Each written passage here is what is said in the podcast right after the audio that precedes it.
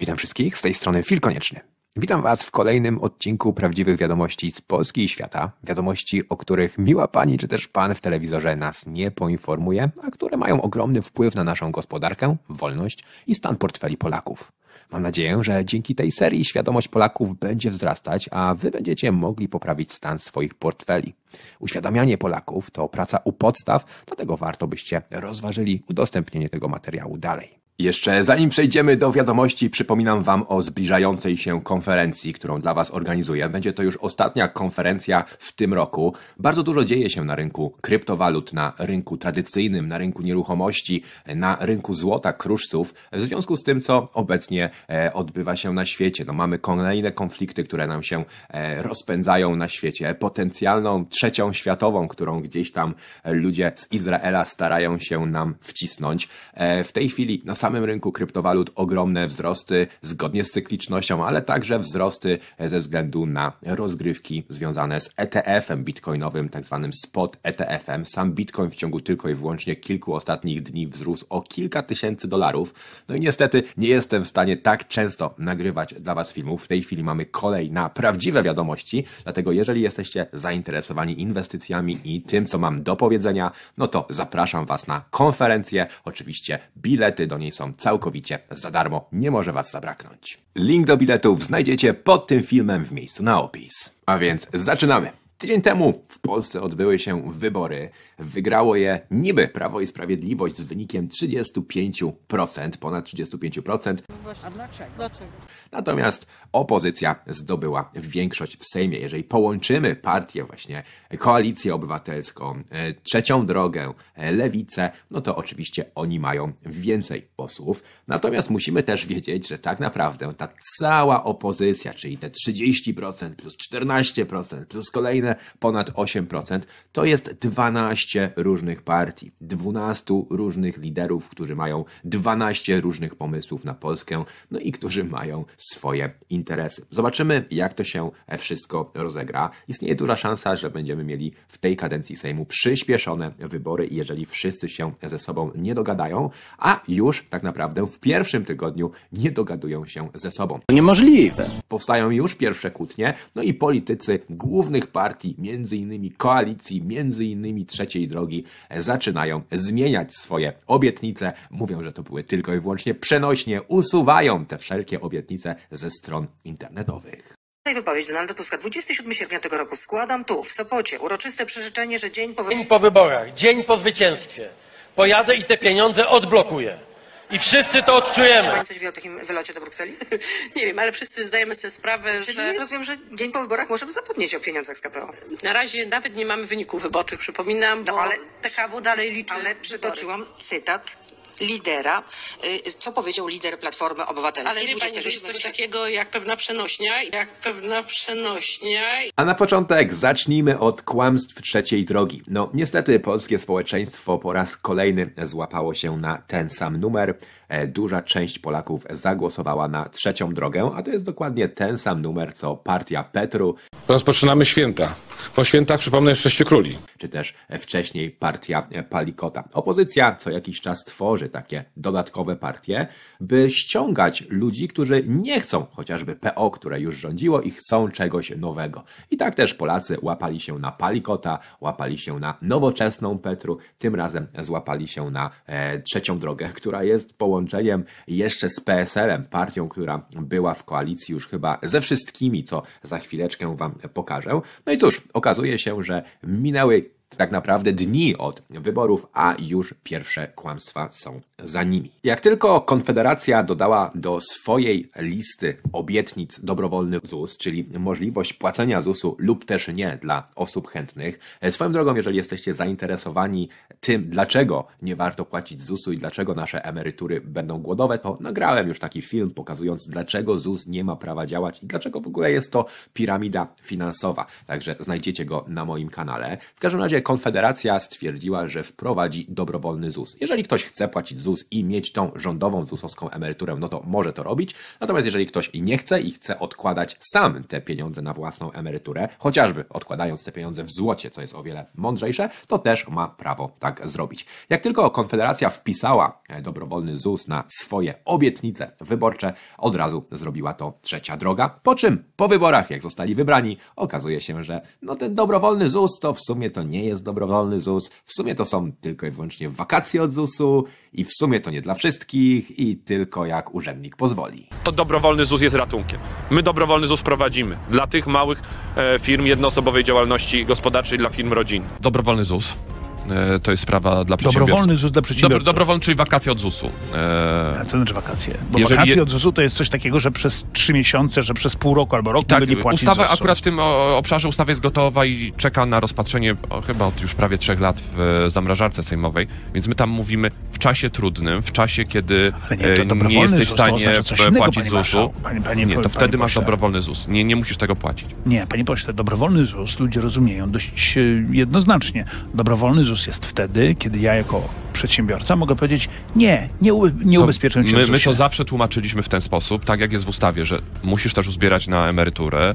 Czyli ściema, nie dobrowolny. Nie, dobrowolny ZUS to jest e, szansa na przetrwanie firmy w trudnym czasie. I to, i, to było, I to była ta różnica ściema. pomiędzy My dobrowolny ZUS prowadzimy. PSL zmieniło swój program. Radosław Fogiel punktuje ludowców w sprawie dobrowolnego ZUS-u. Żenada. Zaczęła się licytacja na ZUS dla przedsiębiorców. Będą się rakiem wycofywać z obietnic, możemy przeczytać na Business Insiderze. Smutne jest to, że tak naprawdę to nie wszystko, że wycofują się z tego dobrowolnego ZUS-u, ale na koniec jeszcze kłamią, że dobrowolny ZUS nigdy nie był w ich programie. No i ciekawostką jest też to, że mamy takie strony, którym niestety ostatnio ludzie mocno wierzą. Strony, które niby mają pokazywać prawdę. Taką stroną chociażby w Polsce jest Demagog, który jak coś napisze, to znaczy, że oni to zweryfikowali i jest to na pewno prawda. E, Te strony oczywiście służą e, ku temu, by jeszcze bardziej ludzi wprowadzać w błąd i programować. Ludzie myślą, że no jak Demagog coś powiedział, albo jakaś strona, która ma pokazywać prawdę, no to na pewno jest to prawda. No przecież tam też pracują ludzie, którzy są opłacani. Chociażby Demagog też stara nam się wciskać kity, że trzecia droga od początku mówiła tylko o wakacjach od składek dla przedsiębiorców e, w kłopotach finansowych. Na szczęście ludzie w komentarzach wrzucają zdjęcia, pokazują im, że jest to nieprawda. No, demagog niestety, niestety nie jest w stanie im odpowiedzieć. No i chociażby mamy tutaj zdjęcia. Forum Młodych Ludowców i uwaga, dobrowolny ZUS. Jest dobrowolny ZUS, czy go nie ma? Jesteśmy na stronie polska2050.pl. Punkt numer dwa. Oddech dla przedsiębiorców. Dobrowolny ZUS dla mikrofirm zagrożonych niewypłacalnością. Jest dobrowolny ZUS czy wakacje od ZUS-u? Ciekawostką jest też to, że dobrowolny ZUS był wpisany oficjalnie na stronie PSL-u, no ale niestety strona już nie działa. Tymczasem demagog twierdzi, że trzecia droga od początku mówiła tylko o wakacjach od ZUS-u. My dobrowolny ZUS prowadzimy. Jeżeli chodzi o sam PSL, no to jest to partia, która, jak możecie przeczytać, powstała 5 maja 1990 roku, czyli na samym początku trzeciej RP. No i co najważniejsze, jest ona w Sejmie od samego początku. Niezależnie kto rządzi, oni ciągle w Sejmie są i ciągle ludzie na nich głosują, ale też na pewno ważne jest, że ta partia to jest taka, za przeproszeniem, dziwka polityczna, która trzyma się tego, kto akurat jest u władzy. Dokleja się do każdego, z kim może w jakiś sposób rządzić. I tak też macie koalicję, chociażby SLD, PSL od 1993 roku do 97, kiedy to jeszcze rządziła e, partia SLD. Następnie byli w opozycji, ale dalej e, zarabiali swoje pieniądze i interesy swoje robili. Znowu koalicja SLD, PSL, ale jeszcze do tego doszło UP, czyli kolejny twór, byleby gdzieś tam móc w jakiś sposób e, zarządzać. I znowu opozycja, czyli raz my, raz wy, raz my, raz wy. I znowu PO doszło do władzy. Z kim było PO? No niespodzianka, z PSL-em. 2007-2015 PSL dokleił się do PO, następnie oczywiście znowu w opozycji, raz my, raz wy, no i i teraz doklejają się do trzeciej drogi, żeby dalej móc wywierać jakiś tam wpływ. Ludzie niestety mają krótką pamięć i cały czas na tego typu partie głosują. Super partia, kurwo! Co do samych kłótni i tego, że w tej chwili niby opozycja, która stała się większością w Sejmie, składa się z 12 różnych partii, e, które mają różne interesy, to tak naprawdę wystarczyło kilka dni, a e, pani Anna Maria Żukowska, niestety nie mogę wam pokazać jej profilu na Twitterze, bo już mnie zablokowała, e, zaczyna się kłócić z panem Kosiniakiem Kamyszem o aborcję. On twierdzi, że tego nie poprze, ta znowu twierdzi, że powinien, bo niby razem są ze sobą. Skoro on tego nie poprze, no to ona też nie będzie popierała spraw rolników. Także kilka dni, a już oni wszyscy się ze sobą żrą. Trzy dni po wyborach. Spięcie PSL i Lewicy, umowa koalicyjna w cieniu aborcji. Trwa spór o zapisy umowy koalicyjnej między Lewicą a Polskim Stronnictwem Ludowym. Katarzyna Kotula w rozmowie z Interią proponuje wpisanie dekryminalizacji aborcji jako postulat przyszłego rządu. Rzecznik PSL odpowiada: Nie mamy nic przeciwko, aby ktoś zgłaszał własne pomysły ustaw. Kwestie światopoglądowe nie będą wpisane w umowę koalicyjną. Jak już jesteśmy przy lewicy, no to warto zaznaczyć, że ponad 8 można powiedzieć, że blisko 9% wyborców zagłosowało właśnie na lewicę. Ponad 8, blisko 9% wyborców zagłosowało na partię, która jest między innymi za liczeniem naszego śladu węglowego, za paszportami węglowymi i za tym, by mówić nam na tej podstawie, co możemy kupić, a co nie. How dare you!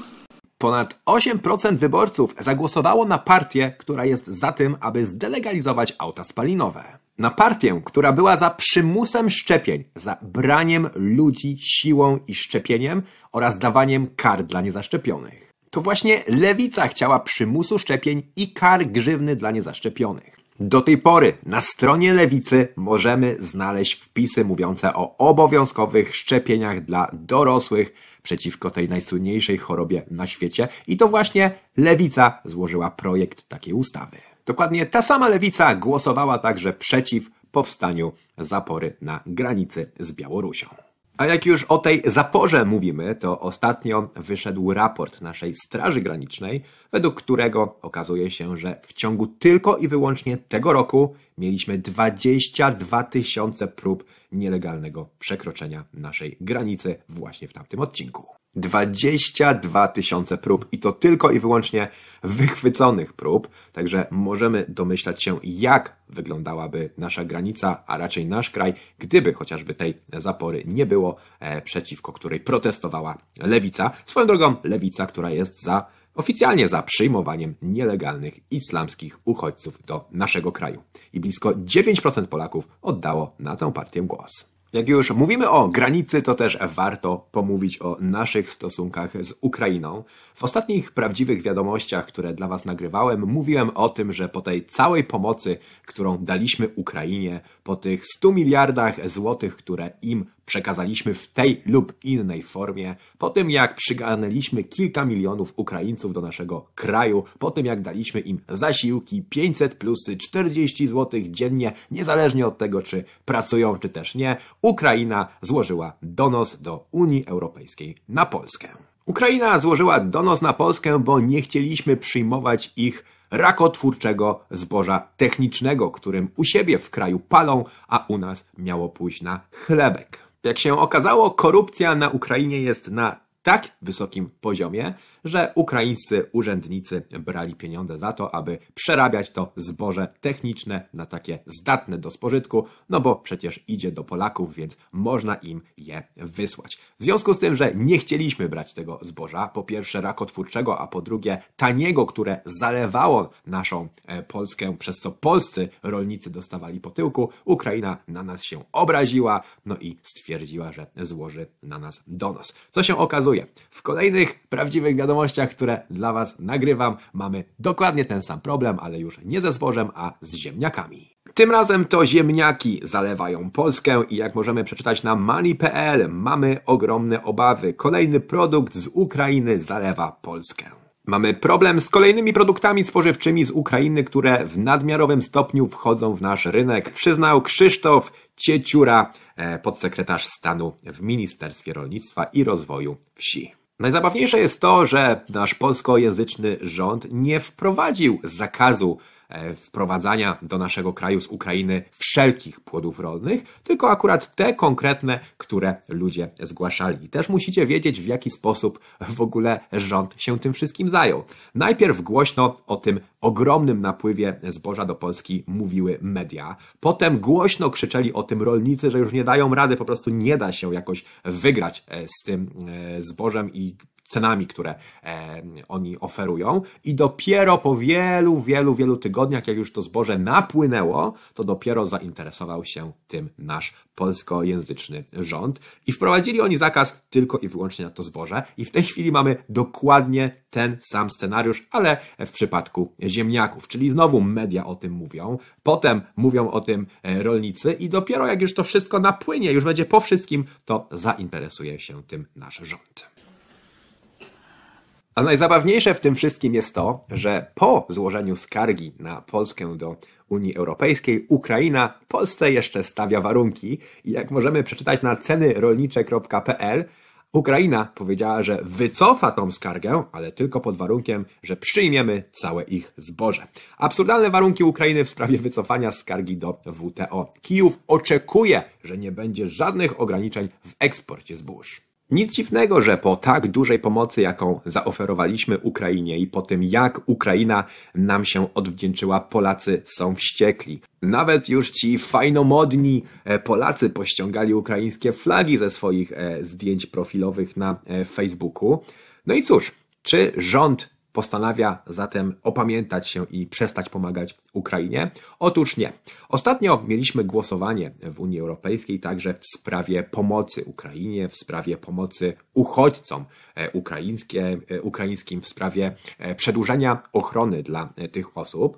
No i co mógł zrobić nasz rząd? Mógł powiedzieć nie, nie zrobimy tego, nie będziemy przedłużać tej pomocy. E, po tym, jak się zachowała Ukraina, no to żądamy wyjaśnień w ogóle, jak śmiała złożyć po tym wszystkim na nas skargę.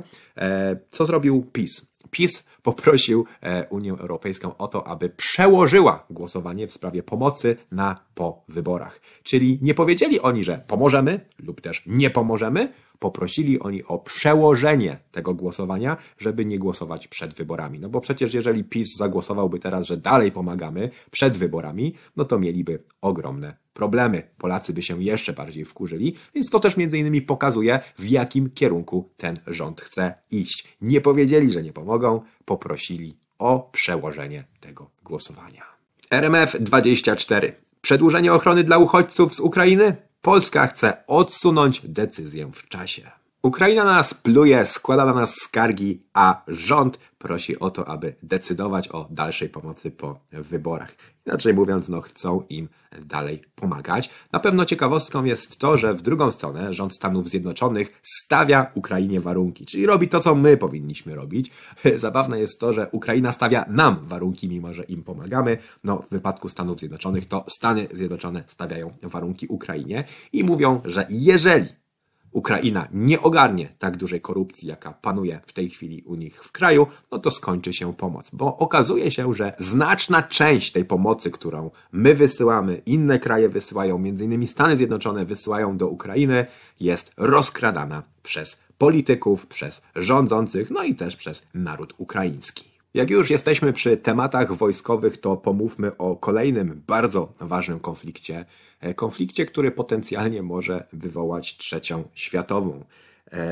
Konflikcie w Izraelu, gdzie to niby Palestyńczycy e, zaatakowali Izrael. Dlaczego mówię niby? O tym więcej mówiłem w moim ostatnim e, wywiadzie, który mm, znalazł się na kanale Instytutu Kryptografii. A mianowicie dlatego, że tak jak stwierdziłem na tamtym wywiadzie, generalnie mało prawdopodobne jest to, że Izrael o takim ataku nie wiedział. Po pierwsze, Izrael jest państwem wielkości przeciętnego polskiego województwa, ma świetną armię, świetną technologię wojskową i chyba najlepsze służby specjalne i służby wywiadowcze na całym świecie.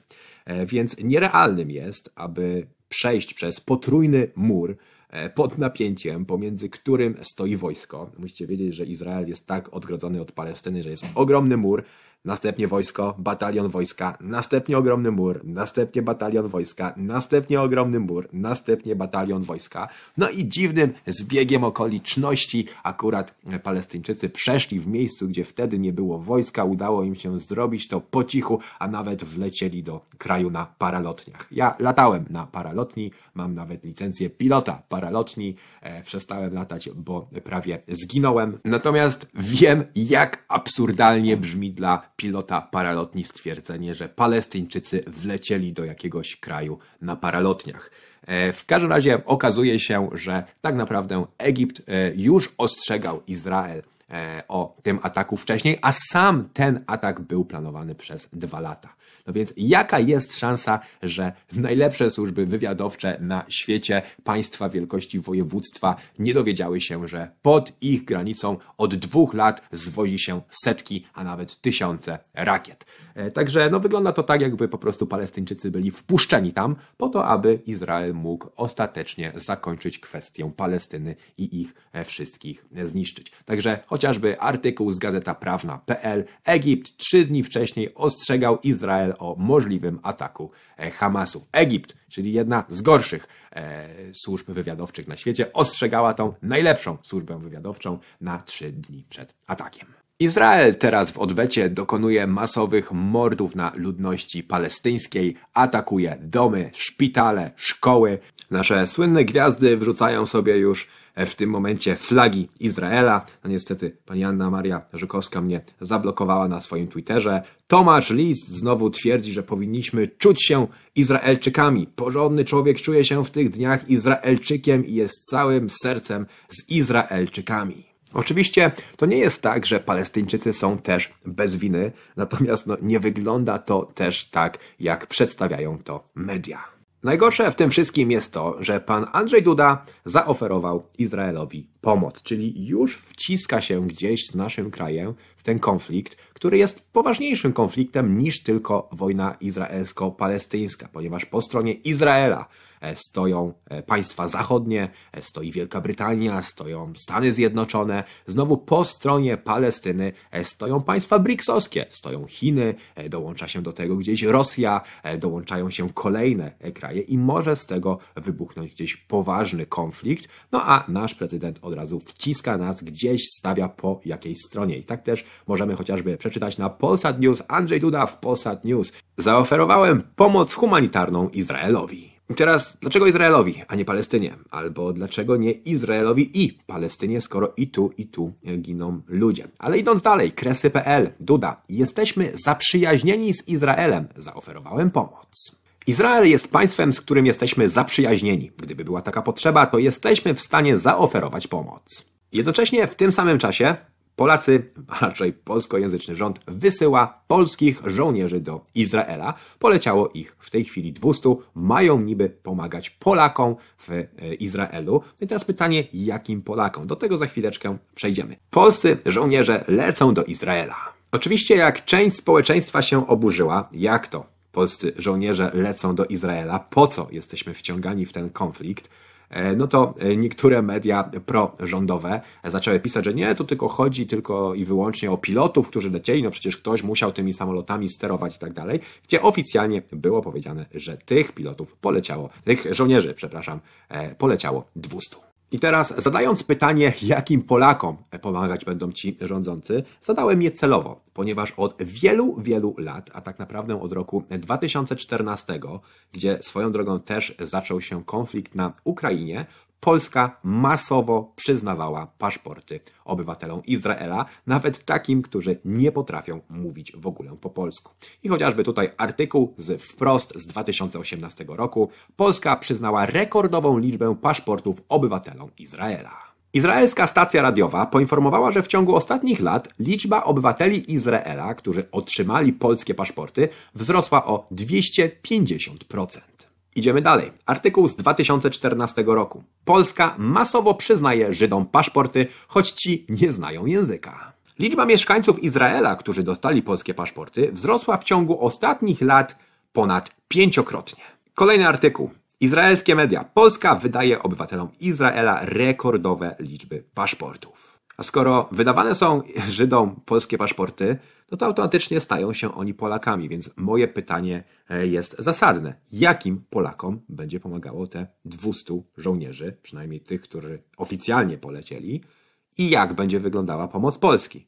Czy pomoc Polski to jest przyciągnięcie teraz Żydów do Polski, tych z paszportami, dokładnie tak samo jak zrobiliśmy to z Ukraińcami? Wracając jeszcze do kwestii tego, jak bardzo jesteśmy zaprzyjaźnieni z Żydami, e, tutaj pan Duda stwierdził, że jesteśmy przecież z nimi zaprzyjaźnieni, no i e, trzeba im zaoferować pomoc, to chciałbym wam pokazać, jak bardzo ta nasza przyjaźń między Polakami a Żydami się rozwija. Część Żydów uważa, że to my dokonywaliśmy mordów w obozach koncentracyjnych. I chociażby artykuł jeszcze sprzed wybuchu tego konfliktu, historyk Izraela oskarża Rząd PiS bagatelizuje zbrodnie Polaków na Żydach i gloryfikuje polski patriotyzm. Ale to oczywiście jeszcze nic, teraz możecie usiąść. Izrael wzywa Polskę do zmiany ustawy w sprawie obozów śmierci. Artykuł z 2018 roku, uwaga. Premier Izraela poinstruował w sobotę izraelskiego ambasadora w Warszawie, by spotkał się z premierem Mateuszem Morawieckim i zaapelował o wycofanie projektu ustawy karzącej za sformułowanie polskie obozy śmierci. Czyli Żydzi nie chcą, by Polska karała kogokolwiek za używanie zwrotu polskie obozy śmierci. Czyli nie mówienie prawdy, mówienie, że to były niemieckie obozy śmierci na terenie Polski, ale żeby używać zwrotu polskie obozy śmierci. I to są właśnie ci nasi przyjaciele, którym pan Andrzej Duda zaoferował pomoc, do których wysłał nasze polskie wojsko, no i którym Polska wydaje masowo paszporty. I na koniec ciekawostka, dokładnie w tym samym czasie, w którym rozwija nam się konflikt, e, mamy rekordowe wezwanie na komisje wojskowe. Wezwanie na komisję wojskową pisma dostanie 230 tysięcy Polaków. Uwaga, Polaków i Polek, czyli Polki też zostaną wezwane na komisję. I ciekawostka, Ostatnio w Polsce zostało zmienione prawo, e, które pozwala zmieniać już nadane kategorie. Czyli te wszystkie osoby, które mają kwalifikację D, które mają kwalifikację E, mogą zostać ponownie wezwane na kwalifikację i ta e, kategoria może w każdej chwili zostać zmieniona na A, czyli to nie jest tak, że jak już mam jakąś kategorię, to e, problem z głowy. I kolejna bardzo ważna rzecz, zmniejszono ilość chorób i różnego rodzaju powodów, dla których można dostać dostać kategorię D lub E. Czyli jeżeli mieliście jakąś chorobę, która kwalifikowała Was na kategorię D, no to teraz jest szansa, że już jej na tej liście nie ma. Jak dostaniecie ponownie wezwanie, no to może się okazać, że jednak jesteście kategorią A. W najbliższym czasie około 230 tysięcy osób otrzyma wezwanie do stawiennictwa przed komisją wojskową. Co ciekawe, nie dotyczy to wyłącznie młodych mężczyzn. Wezwanie otrzymają również kobiety. E, jeszcze mało tego, rozmawiałem ze znajomym lekarzem, który też miał między innymi być na e, takiej komisji. Do tej pory do tej komisji potrzeba było trzech lekarzy. E, w tej chwili już jest potrzebny jeden, więc możecie sobie wyobrazić, jak nagłe są te powołania i jak bardzo zależy rządowi, by te 230 tysięcy Polaków jakoś zakwalifikować. Idąc dalej, w Unii Europejskiej kończą się prace nad CBDC, czyli pieniądzem cyfrowym, programowalnym pieniądzem cyfrowym, który też bardzo pięknie będzie działał z liczeniem śladu węglowego, który propaguje lewica, która w Polsce dostała blisko 9% głosów. Dowiadujemy się z oficjalnej strony e, European Central Bank, czyli Europejskiego Banku Centralnego, że wchodzimy na kolejny etap prac nad europejskim pieniądzem cyfrowym, który jest programowalny, pieniądzem, który e, będzie mógł mieć datę ważności, pieniądzem, który będzie mógł mówić, co możemy kupić, a co nie. I co ciekawe, w tym samym czasie e, nasza słynna pani e, Christine Lagarde nagrała piękny film o tym, jak to fajny jest ten pieniądz elektroniczny. No i co ciekawe, uwaga, będziemy mogli używać jeszcze gotówki według tej pani, czyli to nie jest tak, że jak on wchodzi, to od razu zabierają nam gotówkę. No, wiadomo, że to będzie wprowadzane na zasadzie powolnego gotowania żaby. Potem te limity będą coraz mniejsze na gotówkę, coraz mniejsze, coraz mniejsze i za 5-10 lat nikt o gotówce nie będzie pamiętać, jeżeli oczywiście ludzie się nie sprzeciwią. The digital euro is on the move. Yesterday, the Governing Council of the ECB approved the opening of the preparation phase. It will be a journey, and we will walk the journey together with the legislator. All European institutions will be involved to make sure that Europe is equipped with the currency of the future. Cash is here to stay. You will have all options cash and digital cash. So, what does it mean for you? For consumers, it would be free and easy to use everywhere in the euro area. All of that, of course, is subject to the legislative process. Cash or digital, the choice will be yours. Your euro, your choice. W związku z tym, co zbliża się małymi krokami, moim zdaniem warto jest zadbać o siebie. Zresztą po wynikach wyborów napisałem na swoim Twitterze, co o tym wszystkim myślę. Trzeba skupić się na sobie, trzeba skupić się na własnych finansach i na tym, by e, powolutku dążyć do niezależności finansowej, do wolności e, finansowej. E, większości ludzi tak nie da się uratować. Głosują wciąż na te same mordy, raz na jednych, raz na drugich, a te same osoby ciągle rządzą od 30 lat. I tyle. Jeżeli jesteście zainteresowani konferencją i gdzieś tam porozmawianiu o finansach, o tym, w co warto teraz inwestować i jak w związku z tym, co teraz dzieje się na świecie, ja inwestuję, no to oczywiście zapraszam Was na konferencję, która odbędzie się za kilka dni. Link do zapisu za darmo pod tym filmem w miejscu na opis. No i cóż, to by było na tyle. Dziękuję. Do następnego razu. Pozdrawiam. Cześć.